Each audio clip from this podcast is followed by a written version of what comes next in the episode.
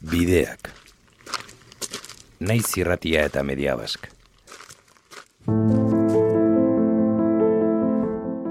kontrol selektiboak eta kontrol rasistak behin eta berriz e, salatu indoguz kontrolak. Ce que moi aujourd'hui ça m'est arrivé, mon cousin il était décédé ici. Donc je plus que ça... Komisaldegitik atela naizenean, argi eta garbi izanean, urrengo arte. Zenta, segituko dut legaltasunez, lenge horiek, laguntzen. Zubiak irekitzea aldarrikatzen dugu behin eta berriro. Kontrolak entzea. Désolé, ni Niego Couillou et encore moins moi, nous pouvons infléchir la position des États et, et, et encore moins de l'Europe. Ze kontrol selektiboa ari da egiten eta zer hartzen da kontuan egiteko kontrol batek mm, persona bati bai Une fois que tu fais le passage, il y a beaucoup des autres bénévoles qui vous accueillent et qui vous amènent aussi en voiture de manière gratuite. Si, si ils, ils ont vu, les policiers ils ont vu que la groupe est nombreux,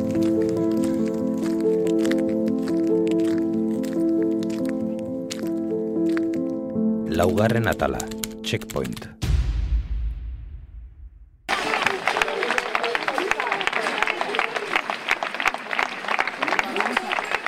Azken urteetan, Euskal Herrian, bi estatuen arteko mugako hainbat pasabide itxi ditu Frantziak, eta irikita direnetan kontrol zorrotzak ezarri ditu. Itxitako bideetako bat, irun eta endaia arteko oinezko pasabidea da. Schengeneko itunaren arabera, Europako barne mugak isteko irizbide oso zehatzak bete behar dira, eta gehienez, sei labeterako hartu alden neurria da. Parisek, behin eta berrez luzatu du erabakia azaroaren batean ebatzi zuen enegarren luzapena. Erabakiaren aurka ehunka herritar elkartu ziren irunen eta endaian. Bakoitzak bere aldetik, zubirainoko bidea egin eta bi udalerriak bereizten dituzten estiak kentzeko.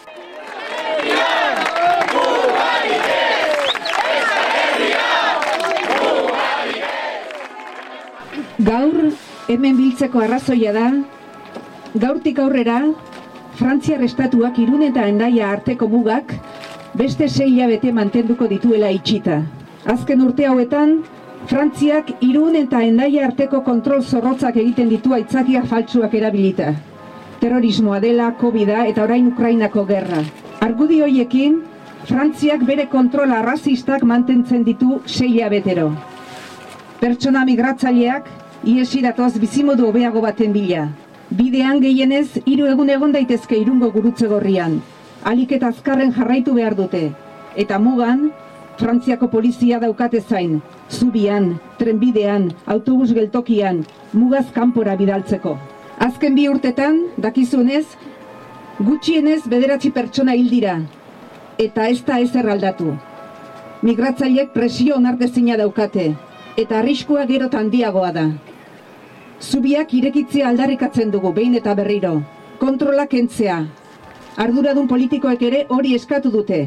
Hala eskatu zuten urriaren iruan, euro eskualdeko esekutiboak. Urriaren bostean urkullu lendakariak eta txegarai jaunak izan ziren hemen, zubiak irekitzeko eskatuz. Los cierres de fronteras y el refuerzo de los controles degradan los ecosistemas sociales y económicos existentes. De hecho, nuestra responsabilidad como impulsores de una Europa unida es favorecer las relaciones y la cooperación sin fronteras. euh, on ne peut pas continuer à comptabiliser les morts euh, sur les voies ferrées ou dans la bidassoie de ces migrants qui, parce qu'on a voulu fermer les frontières, euh, au risque de leur vie, sont obligés de passer par la bidassoie ou de passer sur la voie ferrée. Eta guk, gaur, hitzetik ekintzara pasatzea erabaki dugu. Eta zubi hau ireki dugu, lortu dugu. Gehiengo batek askatzen eskatzen duena egin dugu. Hemen gauden erakunde eta elkarte guztiak elkarrekin jarraitzeko konpromiso hartzen dugu. Muga ireki eta zirkulazio askatasuna guztiontzat.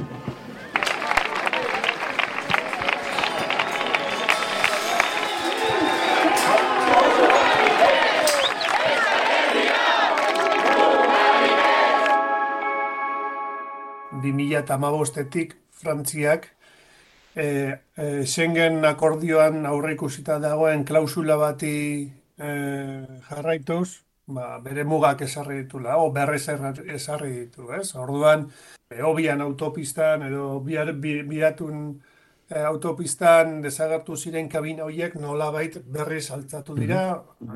Iker Barbero, zuzen bidean doktorea. Simpleagoan, baina berriro muga bat daukagu, estatu espainola eta frantsesen artean, ez? Orduan, ze suposatzen du auto administratiboki? Ba, bueno, e, kasu honetan, estatu frantsesak erabakitzen duela e, muga hori zeharkatzeko ze nolako dokumentazio aurkeztu behar eta nortzuk aurkeztu behar duten. Hori da, zentzu praktikoan. Kasu honetan, esan genezake beraz, Schengen akordioaren Europa horretan, mugari gabeko Europa horretan, alere, estatueko oraindik ere badituztela mekanismoak, ba, ezoiko kontroliek ezartzeko. Schengen akordioarekin lortu nahi zena zen, alde batetik, barneko mugak ezabatzea edo, edo kentzea, eta kanpoko mugak kontrolatzea. Hau da, kanpotik jendea sartzen ez da neinean, barruko askatasuna, omugetzeko askatasuna, harindu daiteke. Hau da, estatuek, pentsatu zutena, e, mila bederatzireun, da laro gaita mar, laro gai, laro gaita mar markedetan, ez?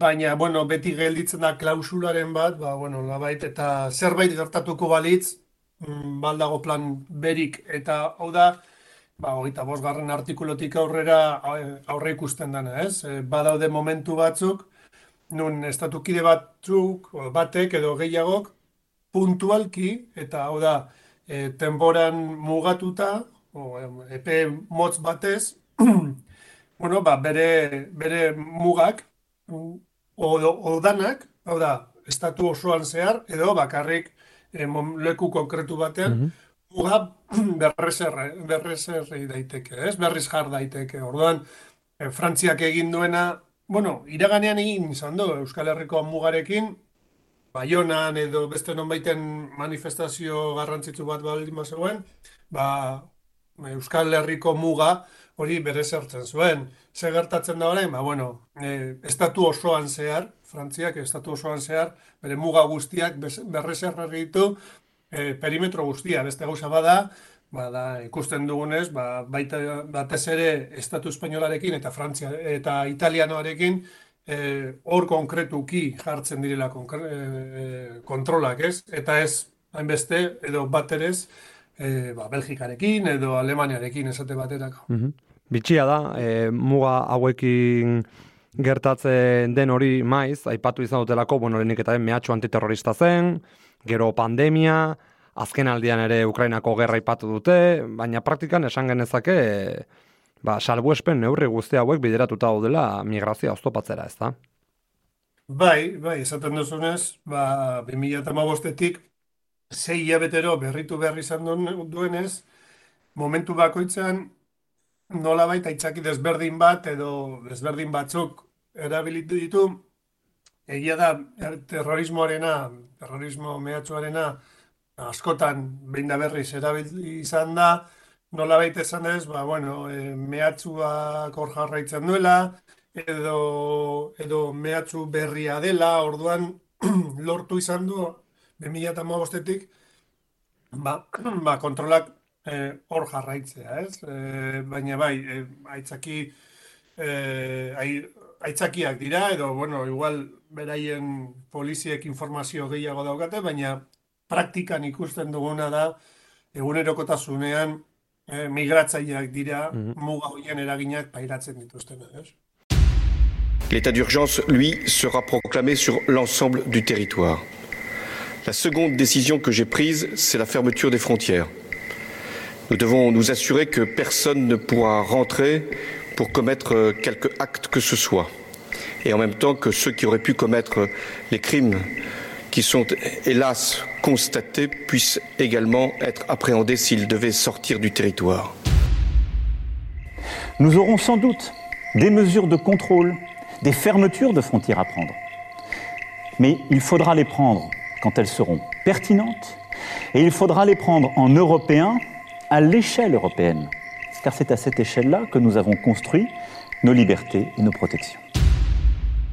Je suis favorable à ce que nous refondions en profondeur Schengen pour intensifier notre protection commune aux frontières avec une véritable police de sécurité aux frontières extérieures de l'espace. La France le fait pour ce qui est de ses frontières. L'Europe doit maintenant le faire. Nous devons le faire pour notre sécurité.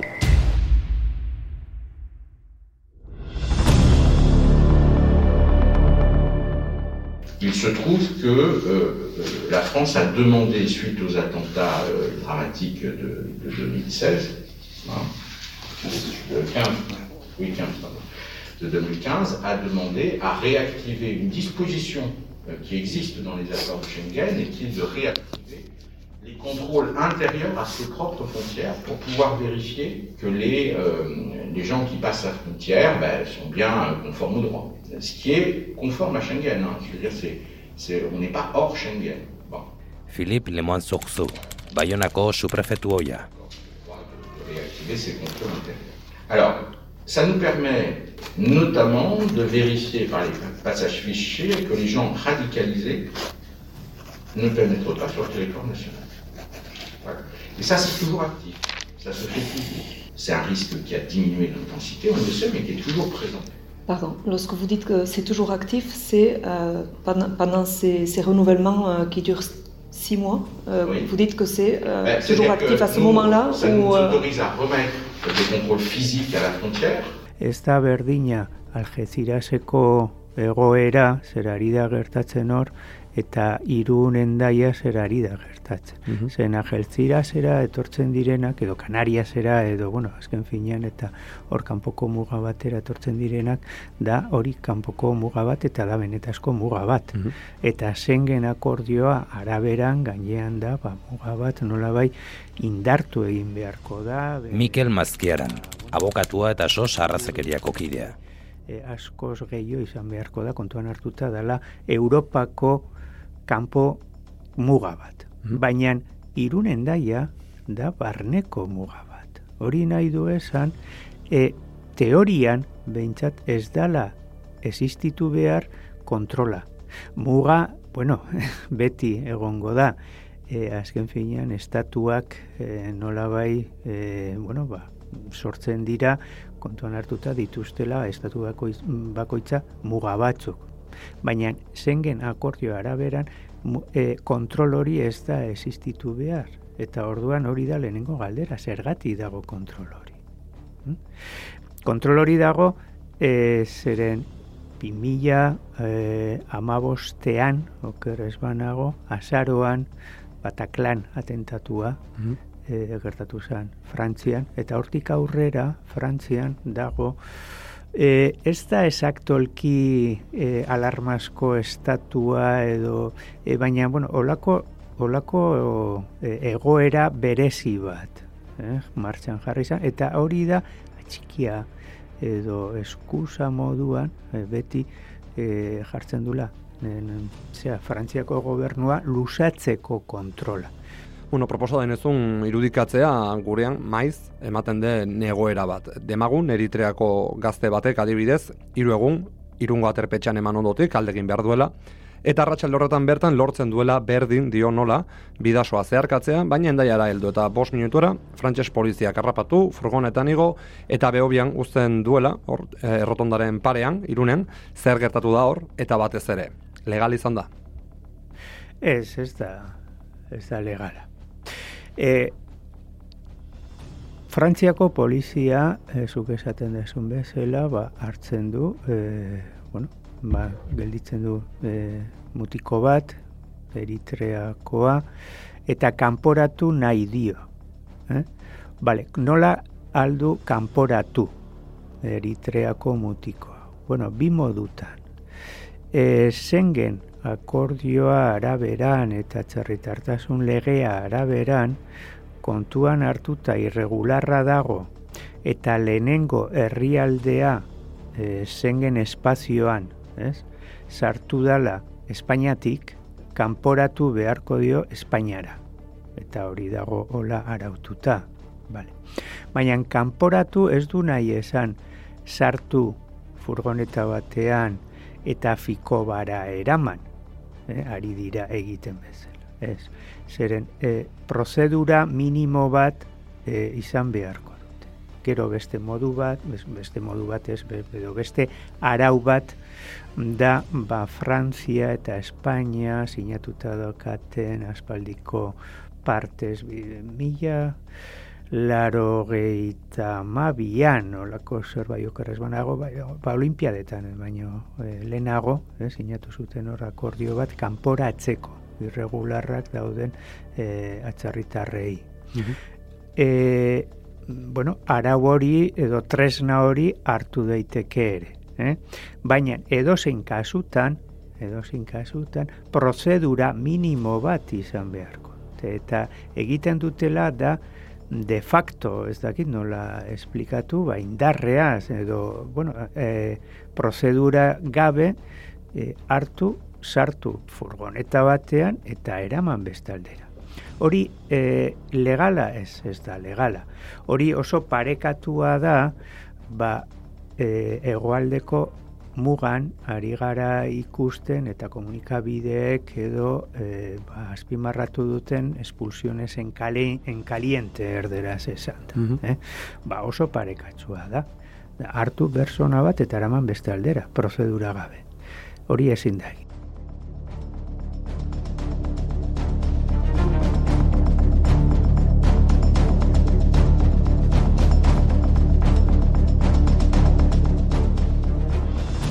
Gurekin dugu Xabier Legarreta, bera jaurlaritzako migrazio eta asilo zuzendaria da, egunon?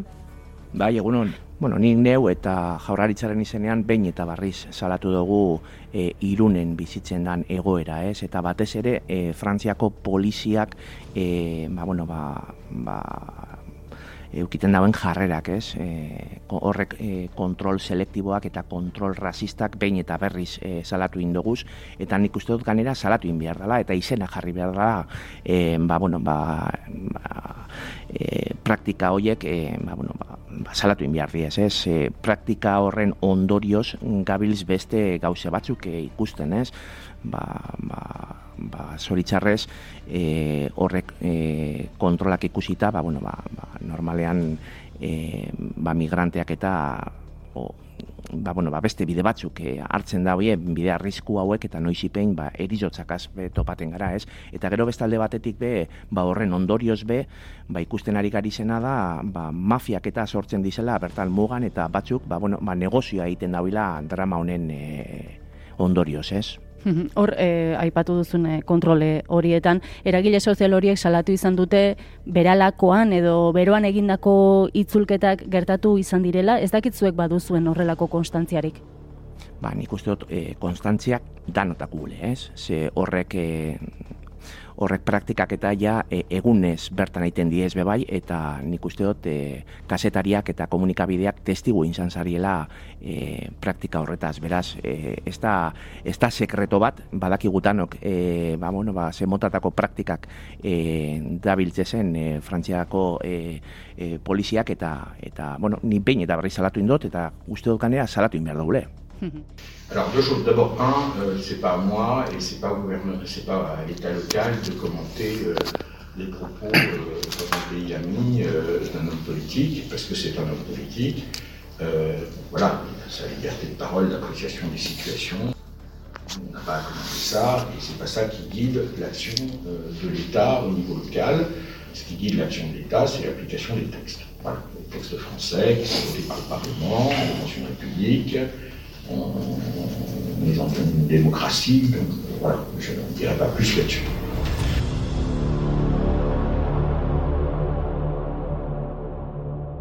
Pariseko katuarren Euskal Herrian eragile eta instituzio denek salatu dute Frantziako poliziak mugan kontrolak ezartzarekin bat hartu dituen neurriak. Ez dira ezkutuan ari. Kontrolak mugan ez ezik, garraio publikoan ere ezarri dituzte denbora honetan guztian. Eta oiko irudia bihurtu da, muga pasa berri duten pertsonak polizia ibilgailuetan sartu eta berriro irunen errepide bazterrean itzultzea.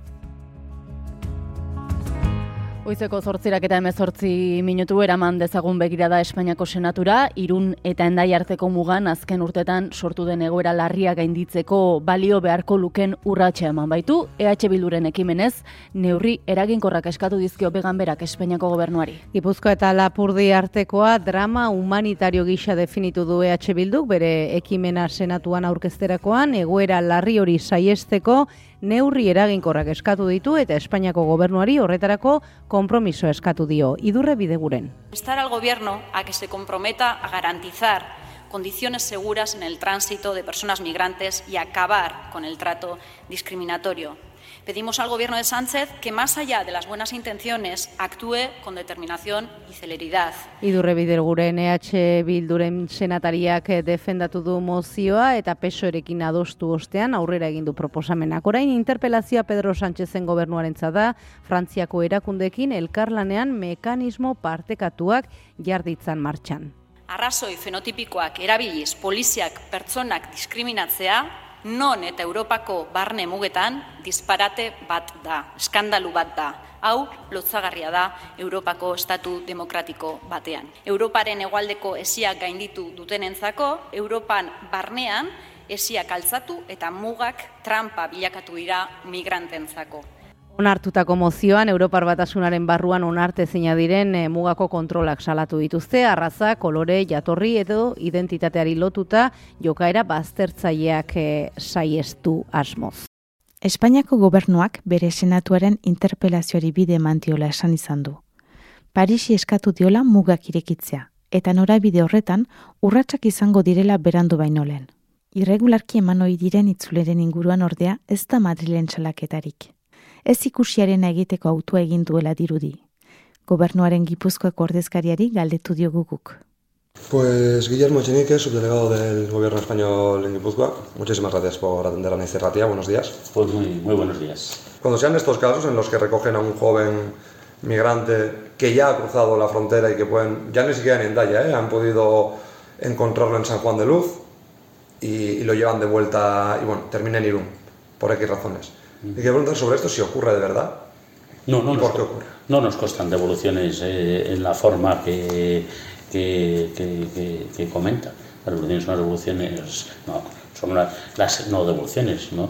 las entregas eh, que puede haber normales cuando hay alguna, alguna situación excepcional, pero no nos consta las, eh, ese tipo de, de devoluciones por parte de, de Francia. Eh, estatuek sinatzen dituzten adierazpenak itunak ere hortxe daudelako, kasu honetan, migratzaileen eskubide dagokienez zein izango litzateke oinarrezko itun hori, errespetatu behar den itun hori? Bueno, itun, itun nazioarteko itun desberdinak daude, ez? Hor daukago errefusiatuen e, konbentzioa, daukago Europar batasuneko e, eskubideen gutuna, daukago... E, Iker Barbero. giza eskubidetako e, Europar hitzarmena, danak hor daude, ez? Orduan, hori izan beharko litzateke e, estatukidek bete beharko luketena. Ze gertatzen da, lehen esan dudan bezala, prak, zenbait praktiketan zaila da desberdintzea edo interpretazioa, interpretazioak zailtzen du nola bete behar diren edo nola respetatu behar diren eskubidoiek eta praktikan eskubidoiek urratzen dira, ez? Orduan, e, Estatu Espainolak frantsesak eta nik esango nuke Europar Batasuneko estatukide guztiek lehen aipatu ditudan itun eta nazioarteko hitzarmen guzti horiek sinatu dituzte. Praktikan ze gertatzen da? Ba, bueno, Melillan e, ikusi duguna, e, baita ere e, Frantziaren kasuan egunero gure mugan ikusten duguna, ez?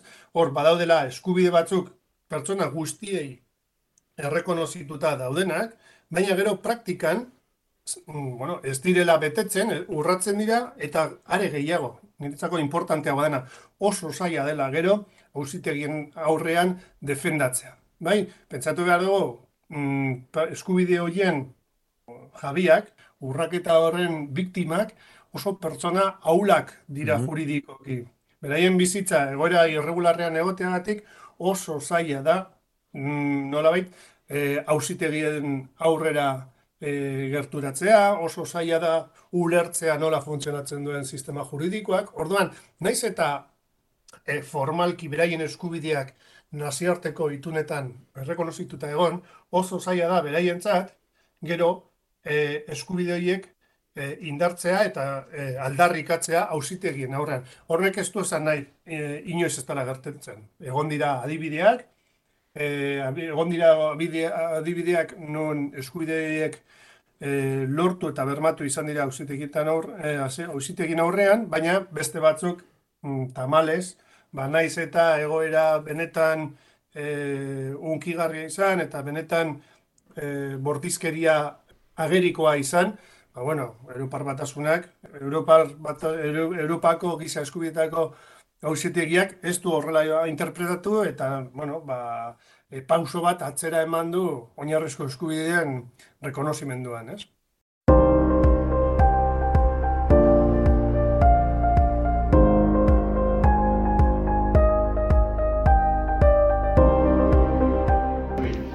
dans la bande des 20 km, la police aux frontières a tout à fait la possibilité de rentrer dans les trains, de rentrer dans les bus, etc. mission, c'est même sa mission. Donc il n'y a pas d'extraterritorialité parce que c'est un train ou un bus. Donc on monte à Hendaye, on descend à. Et, voilà. Et on a même une brigade spécialisée sur les transports en commun. Donc c'est sa mission. Elle est prévue, elle est encadrée par les textes. S'il y a des délégués syndicaux qui considèrent euh, que la police aux frontières fait mal ce travail-là et ne respecte pas les textes, euh, il y a les voies de recours le fassent. Migratzaileen kontrol neurriak mugazarago eraman ditu Frantziako gobernuak, eta horrekin diskriminazio kasuagerikoak diruditenak. Bueno, beste gauza bada, karo, noren, e, noren gana edo nor, noren dago zuzenduta kontrol hori. Mm eh? Zeren, bueno, e, be, e, neri ez dago zuzenduta. Neri nahi dute esan e, nik endaiara edo baionara. Unai badet, segura eski ez nahi topatuko, kontrol batek. Baina beste norbaitek. E, joeten ju nahi badu baionara, bai topatuko du kontrol batekin. Mhm. Eta orduan, galdera da zergatik bera bai eta nik ez. Hor sartzen gara beste mm, gai batean eta da e, bueno, ze kontrol selektiboa ari da egiten eta zer hartzen da e, kontuan egiteko kontrol batek mm, persona bati bai beste ez. Garbi dago kontrol hori egiten da fenotipo araberan. Mm Zer da fenotipoa? Ba, bueno, nigulertzeko itxura. Eh? E, nik baldin badaka itxura konkretu bat, txuria, e, en fin, bueno, ba, arazo gutxi. Arazo, arazo gutxia, bueno, gutxiago edo ez, ez dut izango arazoak, baina topatzen bagara, mm, persona batekin datorrela, Mali, Gineako nakri edo, bueno, ba, oain, herrialdeak e, etortzen direnak, ez? E, e, bai, e, esango diote, aber zer ari da egiten hor, eskatuko diote dokumentazio eta kanporatu egingo dio. Azalaren kolorearen araberako kontrolak lapurdiko garraio bide nagusietan izan dira. Bai endaiako.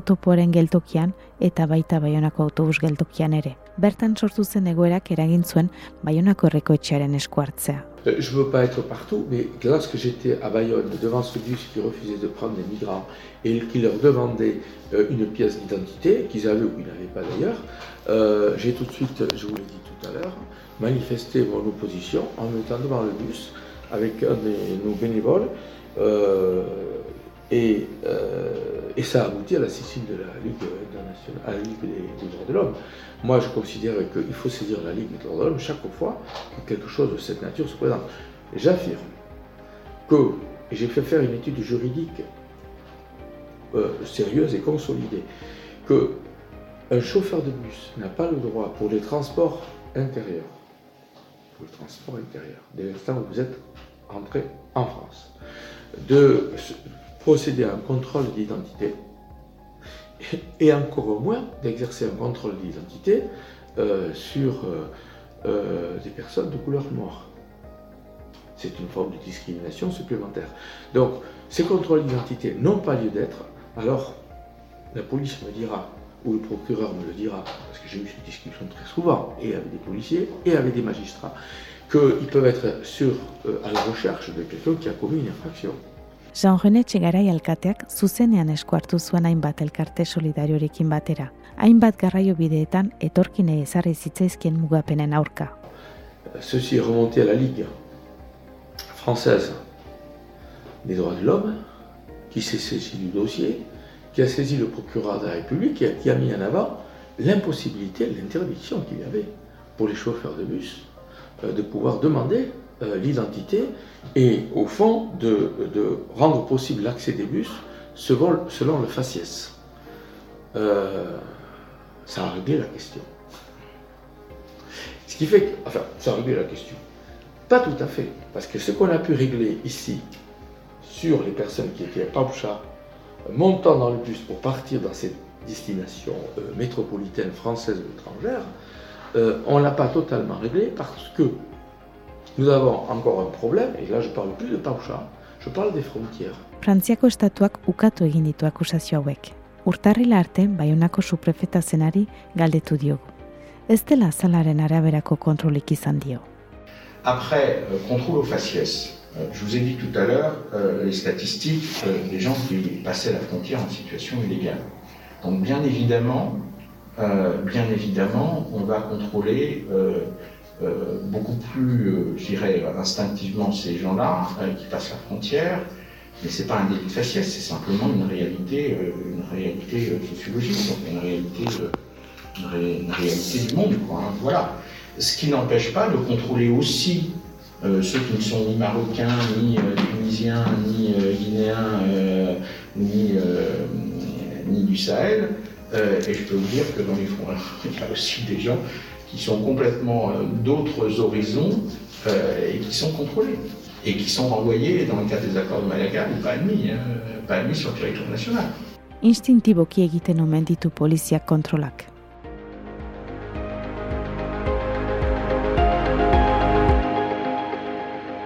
Kontxo, zergatik dago kontrol hori? Ari gara bizitzen esaten dan bezala, suposatzen da, e, espazio iriki batean. Eh, deitzen da espazio zengen. Hori gaur egun ez da gertatzen. Bale, ba, hor dago, hor daukagu koska bat, eta hori bertan bera utzi e, gelditu beharko da, baina bere ala kontrola hori. Zeren ez du zensurik edo bizi gara espazio iriki batean, edo voltatu gara berriro mugetara. Eh? Aber aklaratzen da, hau Europar batasunean, zer ari da gertatzen. Zeren, ez da bakarri Frantzian, eh? ari da gertatzen Italia, ari da gertatzen Noruegan, ari da gertatzen beste herrialde batzuetan.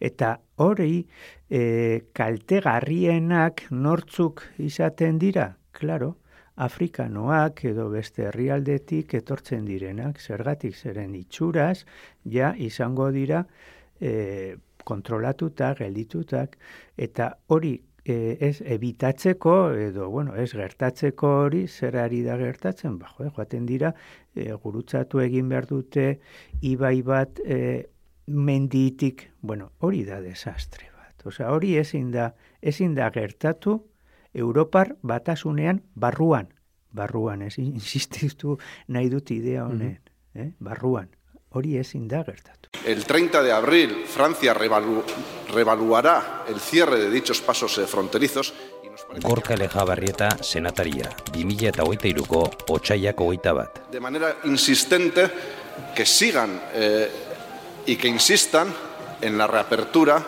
del conjunto de los pasos fronterizos entre el Estado español y francés en territorio vasco. Si a este cierre de fronteras le unimos los controles racistas que las autoridades francesas han venido realizando estos últimos eh, años, nos daremos cuenta que han convertido al Bidasoa en una, en una zona de, eh, alto, de alto peligro en la que ya han muerto al menos 10 migrantes durante, durante los últimos eh, Señoría, sabe porque ya lo hemos tratado en alguna ocasión, que yo comparto completamente. José Manuel Álvarez, Espainiako atzerri ministroa. Lo hemos trasladado a las autoridades francesas en cada una de las ocasiones.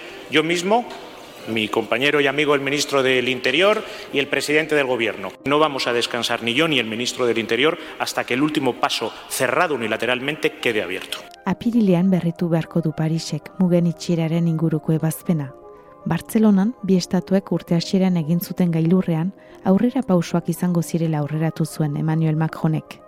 Nous avons lancé ensemble aujourd'hui ce groupe de travail et nos ministres de l'Intérieur, je les en remercie, vont l'animer pour pouvoir bâtir ces solutions très opérationnelles qui permettront euh, de lever le sujet, là aussi toujours dans le cadre de Schengen.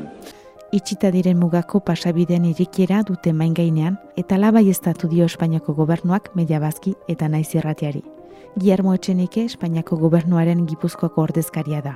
Eh, el tratado firmado el día 19 de enero justamente pues eh, abunda en eh, el compromiso que existe entre España y Francia por el buen funcionamiento del espacio sin controles fronterizos uh -huh. en toda la frontera eh, hispano-francesa. Estamos hablando desde Ondarribia sí. hasta eh, Portbou, con lo cual, pues, eh, el, ese impedimento del paso que existe en el puente Avenida, pues confiamos en que eh, tendrá una pronta solución.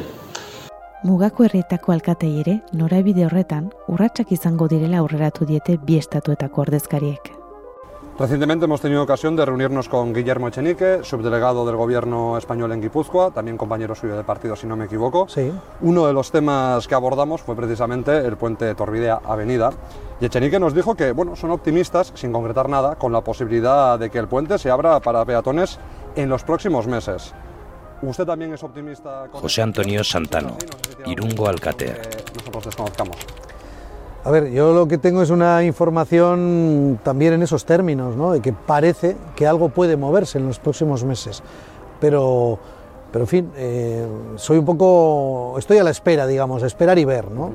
Pero lo que sí tengo claro es que durante estos meses hemos hecho una presión muy fuerte, todos. Yo he estado, eh, por supuesto, con el subdelegado del gobierno y con el delegado del gobierno que han ayudado, con los dos prefectos que en estos últimos meses han tenido responsabilidades en este departamento. He tenido oportunidad de hablar de este asunto con el embajador de Francia en España, en Madrid, y con distintas autoridades francesas. Y sé que en la última cumbre hispano-francesa este ha sido un asunto que el presidente del gobierno también puso encima de la mesa de Macron.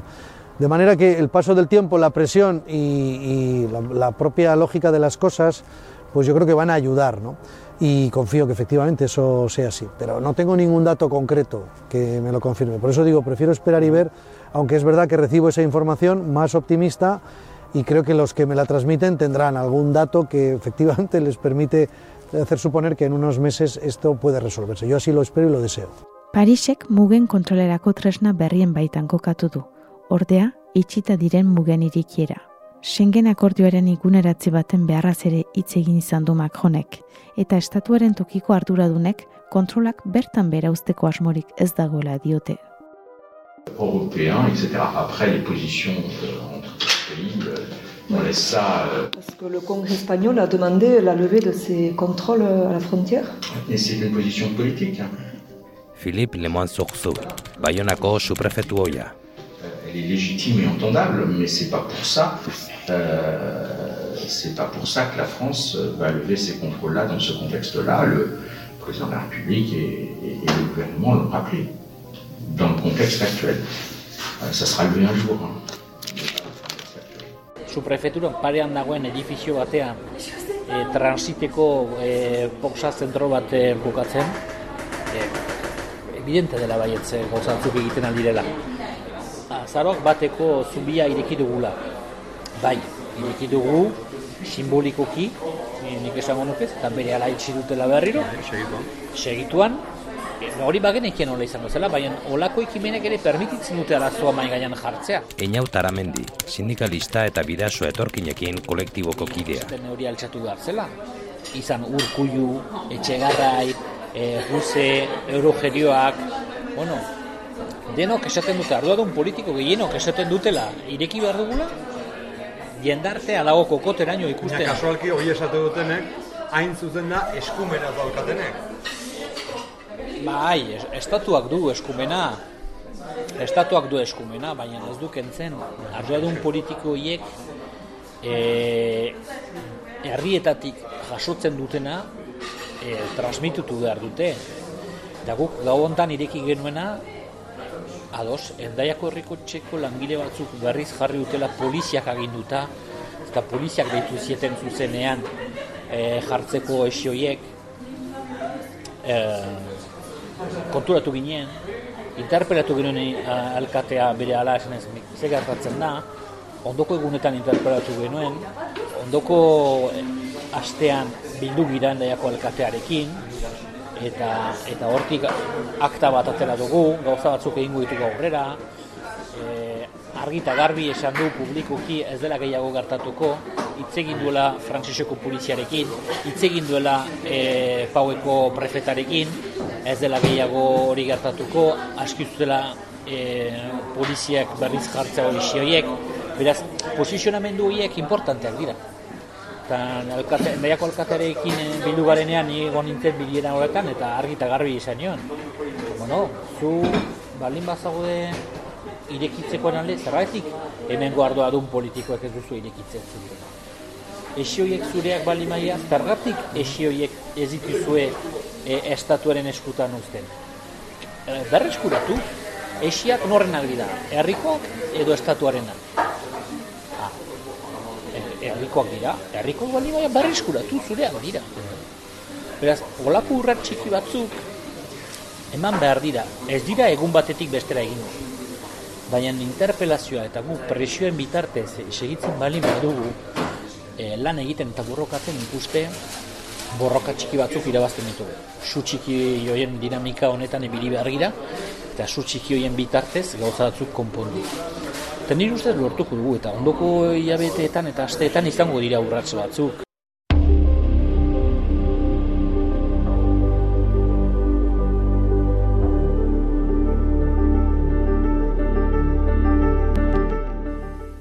Eta beste aldera pasatu izateko, zentzuek oso kontentu zarete, askok ez dute lortzen pasatzea, osea... Ez, dena lortzen, dena, eh, ez, ez, dena, dena pasatzen dute. Bai.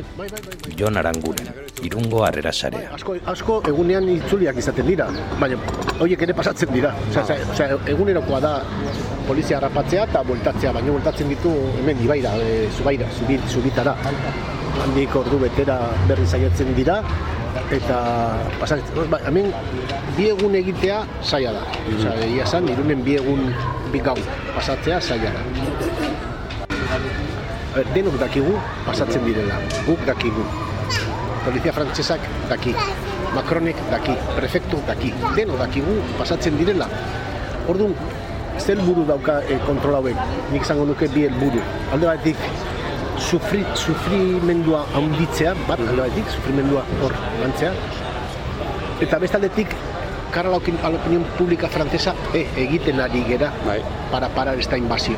Bai, bi, bi, bi elburu hoiekin ikustu egiten dutela, eta sufriaraztea da, azken finan, pues para desanimar eh, bide honetatik eh, jarraitzeko, ez?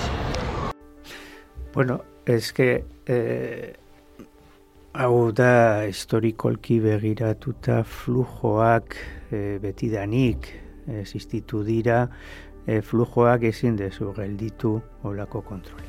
Mikel Mazkiaran, abokatua eta sos arrazakeriako kidea. E, ikuspuntu historikolki e, ikertuta, bueno, ikusten da. Mm?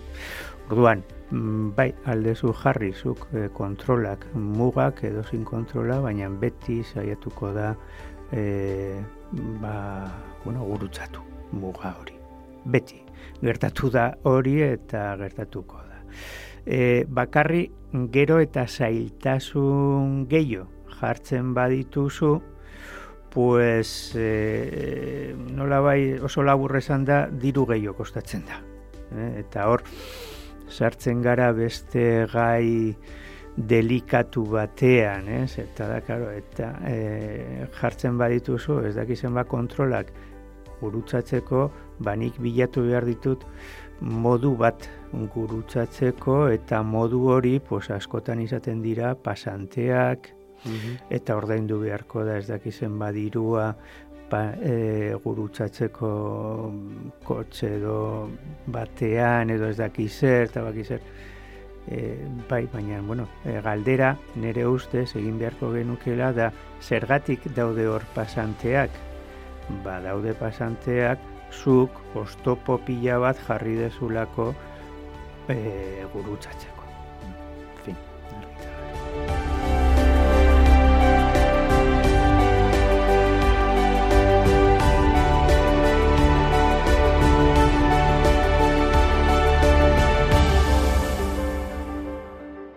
Erakunde publikoek behar duen elkartasunez jokatzea posible dela argik ikusi dugulako berriz ere Ukrainako errefusatuen kasuan hilabete gutxian milaka lagunei babes eman eta oinarrezko eskubide ugari onartu zaizkie gurean. Ukrainaren kasu paradigmatiko hau aintzat hartuta, gainontzeko migratzaiekiko borondate politiko falta zari gara, ala zuzenean arrazekeria instituzionalaz. Eh, ez, nik ez, ez nuke esango rasismo instituzionala denik eh, badakit, eh, bai, bueno, hori erabiltzen da, ba, kontuan hartuta azken fina eta Ukrainiakoek, ba, bueno, txuriak dira, eh, tabar eta bar. Da gestionatzeko modu bat hartu dula, Europar batasuna. Ez dira estatuak, era Europar batasunetik hartutako erabaki bat, e, indarrean jartzeko de direktiba bat eta horrekin kudeatu ba, zer ari da gertatzen. E, zergatik, e, bueno, galdera da, ez? Eta kao, zergatik ukraniarrak bai eta besteak ez. Zergatik ez sirioak bere garaian ba, onera etorri zirenean.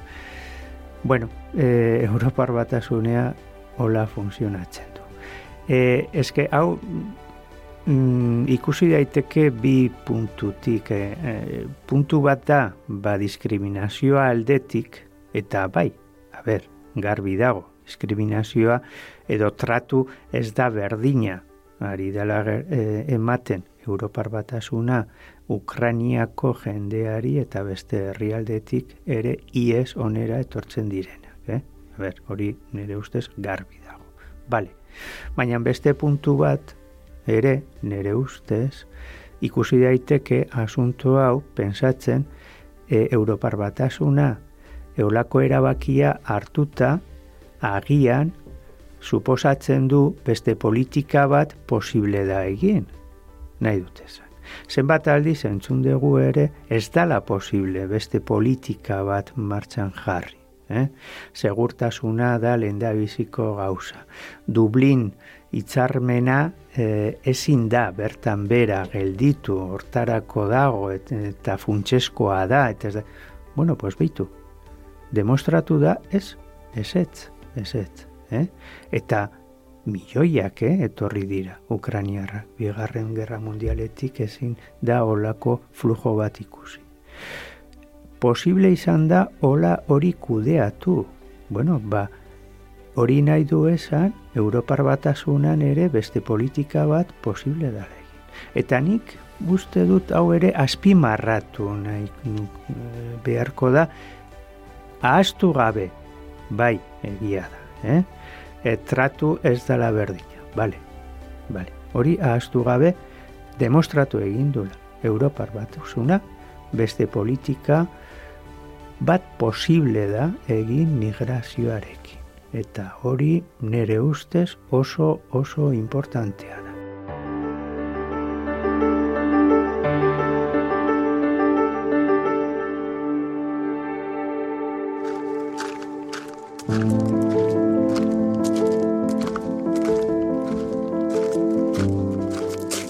Bideak, naiz irratiak eta media baskek mugaren itxierak migrazio bideetan izan dituen ondorioak aztertzeko osatu duten lan berezia da koordinazioa, goizeter taberna eta jonteieria.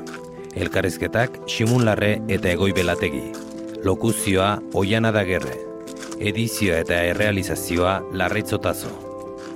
Argitalpen hau, bideak inmigrazio eztabaidan proiektuaren esparruan kokatzen da. Pirineo Atlantikoetako eta Gipuzkoako herritarrek ideiak mugaz gaindiko aurrekontu parte hartzailearen irabazlea da. Pirineo Atlantikoetako departamentuko kontseiluak eta Gipuzkoako foru aldundiak bultzaturiko mugaz gaindiko aurrekontu partartzaileri buruz informazio gehiago aurkitzeko gipuzko irurogeita lau.eu.